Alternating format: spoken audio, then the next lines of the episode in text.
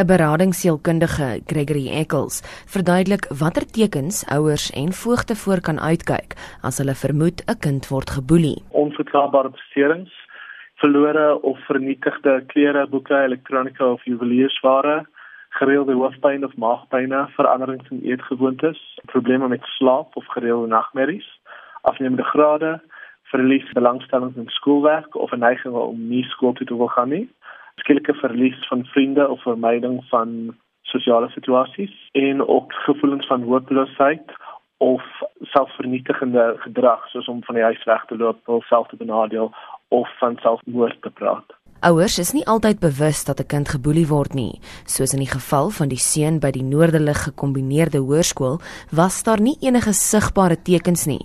Ekkels verduidelik die verskil tussen fisiese en emosionele boelie. Natuurlik is die fisiese simptome anders in terme van beserings, maar anders is baie van die simptome dieselfde. Fisiese boelie lei ook na emosionele besering en daarom kan baie van die impakte op kinders um, dieselfde wees as emosionele boelie.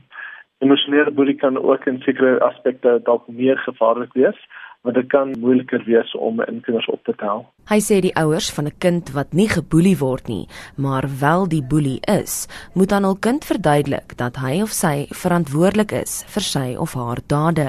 Die belangrikste eerste stap is om dialoog oop te hou tussen jouself en jou kind.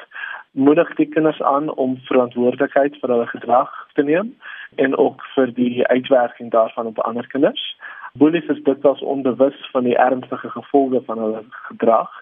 En skoolbullies is ook kinders en dit is daarom belangrik om te verstaan dat hulle nie tipies kwaadwillige bedoelings het nie.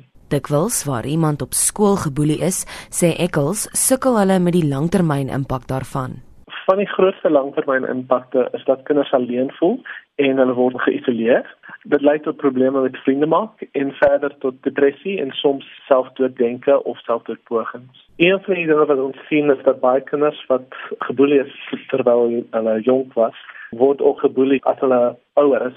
Ons sien dit soms in universiteit waar hulle ook die selfde probleme met vriende maak kan hê. Vanuit sy oogpunt het ek als raad vir skole, ouers en kinders. Ongelukkig spreek die meeste van die skole hierdie probleem aan by afwykende gevolge wat aan die individuele oortreders gelewer word in 'n hoop om die toekomstige waarskynlikheid van die ongewenste gedrag te verminder.